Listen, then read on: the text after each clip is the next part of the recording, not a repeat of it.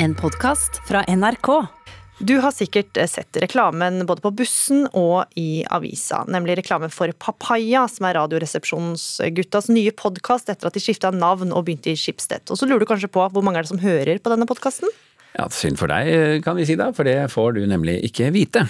Skipsted kommer nemlig til å fjerne alle podkaster som ligger bak betalingsmur fra den offisielle podkastlisten i Norge, kalt Podtoppen. Og dermed vil ingen kunne vite hvor mange som lytter til noen av landets mest populære podkaster. Trist, men forståelig, sier de som har ansvar for topplista.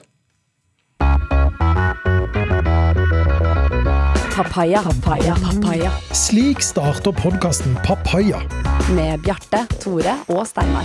som ligger bak betalingsmur på Skipsteds plattform Podme. Bjartis, hei til deg! Hei til deg, Steinar. Toris, hei til deg. Hei til deg, Steinar. Steinar Sagen, Tore Sagen og Bjarte Tjøstheim, tidligere kjent som Radioresepsjonen hos NRK, snakker om løst og fast.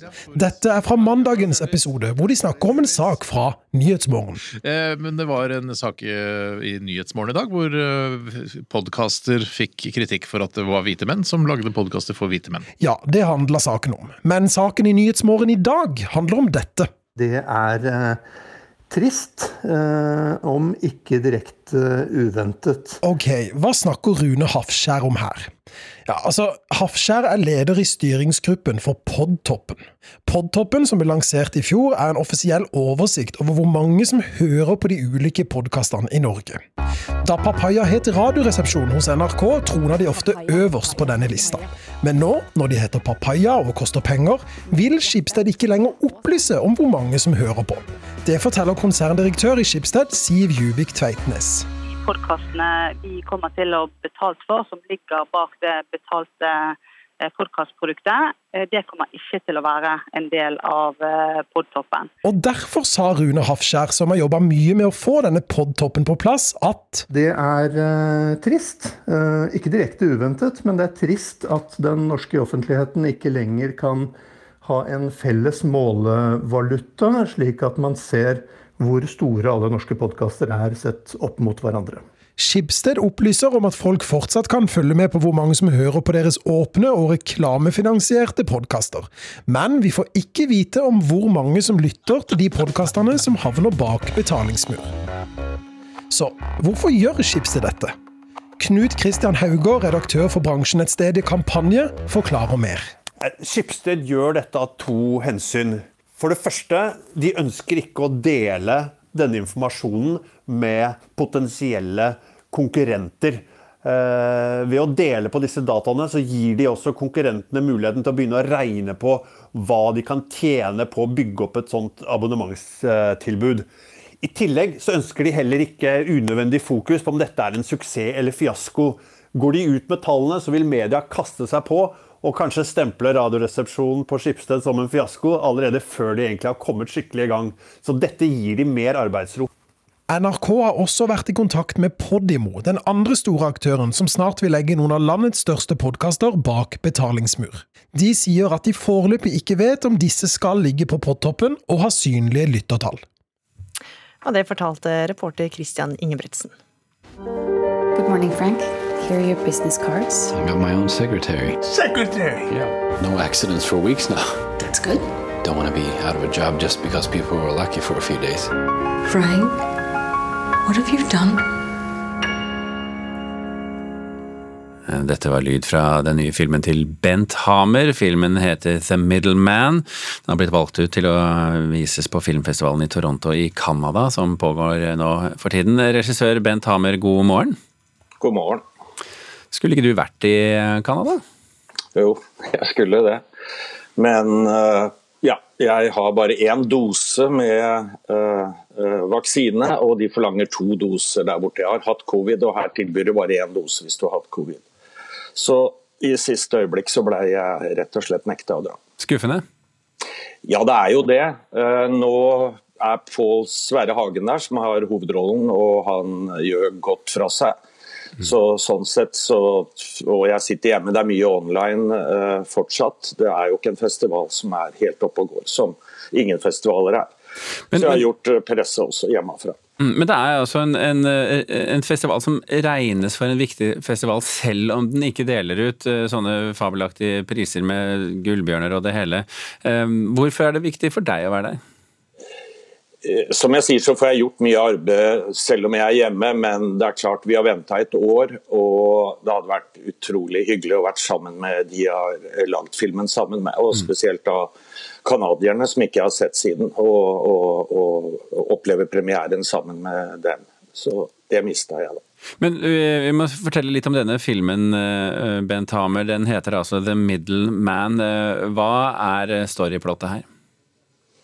Ja, kort fortalt. altså Det bygger jo på en del av en bok eh, som Lars Saabye Christensen har skrevet, som heter 'Sluk', som kom i 2012. Eh, Litt før hva skal vi si, Trumps Amerika, litt post-Trump.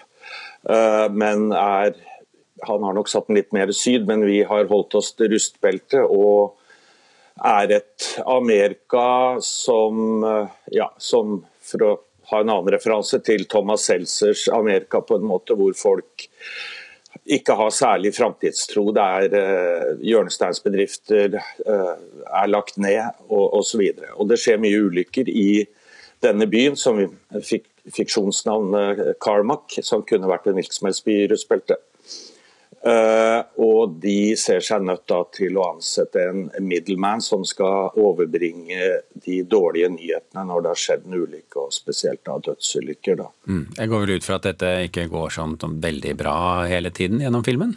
Det er ganske mye som ikke går helt bra, og det er jo en vanskelig øvelse å overbringe nyheter, ikke minst å motta dårlige nyheter. Eh, Det er en kjærlighetshistorie, og ja, det er mye humor om en hvor svart det enn er. Så ja da, det er, det er, å, det er litt å følge med på. Eh, Men så vidt jeg forstår, så, eh, så skulle denne filmen spilles eh, i USA. Ah, Innspillingen av denne filmen gikk ikke helt som planlagt. Hva var det som skjedde?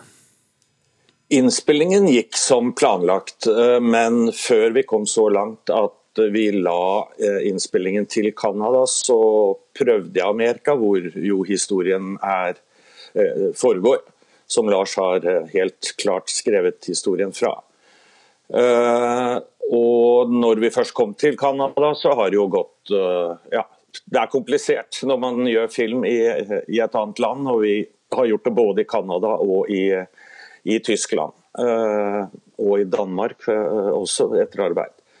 Men det er vel, håper jeg å si, sånn er det alltid, nesten.